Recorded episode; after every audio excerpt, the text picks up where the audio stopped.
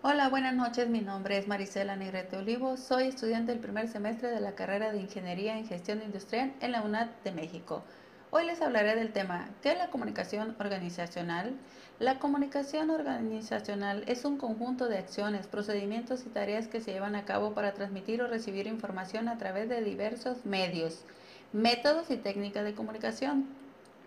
Los procesos no solo comprenden la emisión y recepción de los mensajes, que se producen dentro de una organización. La comunicación organizacional puede ser interna y externa, formal e informal, comunicación ascendente, descendente u horizontal.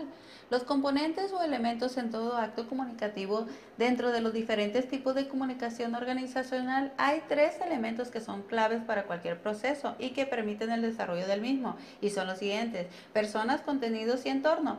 Para los documentos o manuales de, de, la comunicación organizacional, no importa la empresa que tan grande o pequeña sea, lo importante es tener una buena comunicación para lograr los objetivos y rendimiento por parte de los jefes, líderes, trabajadores, etc.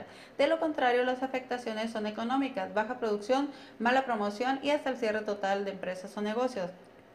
Por eso es importante que cada empresa o negocio deben tener una comunicación organizacional y deben de llevar los siguientes objetivos para llevar a cabo el manual son, primero, identificar si hay algún problema en la empresa. Después, identificar si es un problema operativo o estratégico.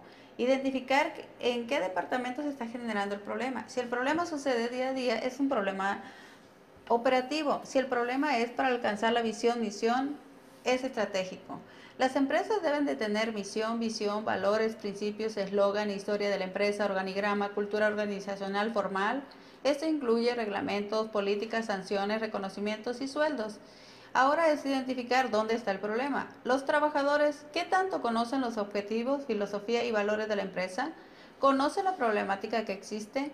Usa la herramienta adecuada para hacer sus procesos como las minutas, carteles, listas, pizarrón, correo electrónico, periódico interno, medios tecnológicos. Para saber dónde está el problema, se tienen que asignar responsables del problema. Y la mejor manera de hacerlo es con actividades, con fecha y responsable de cada actividad. Esto conlleva a seguir las siguientes estrategias. Entrevistas, encuestas, focus group, exámenes psicológicos, actividades dirigidas a todo el personal una escala de valores para la empresa y la contraposición de escala de valores. Debe hacer haber un organigrama contra un sociograma. Debe tener un nivel de retroalimentación bidireccional por parte de los empleados a sus superiores.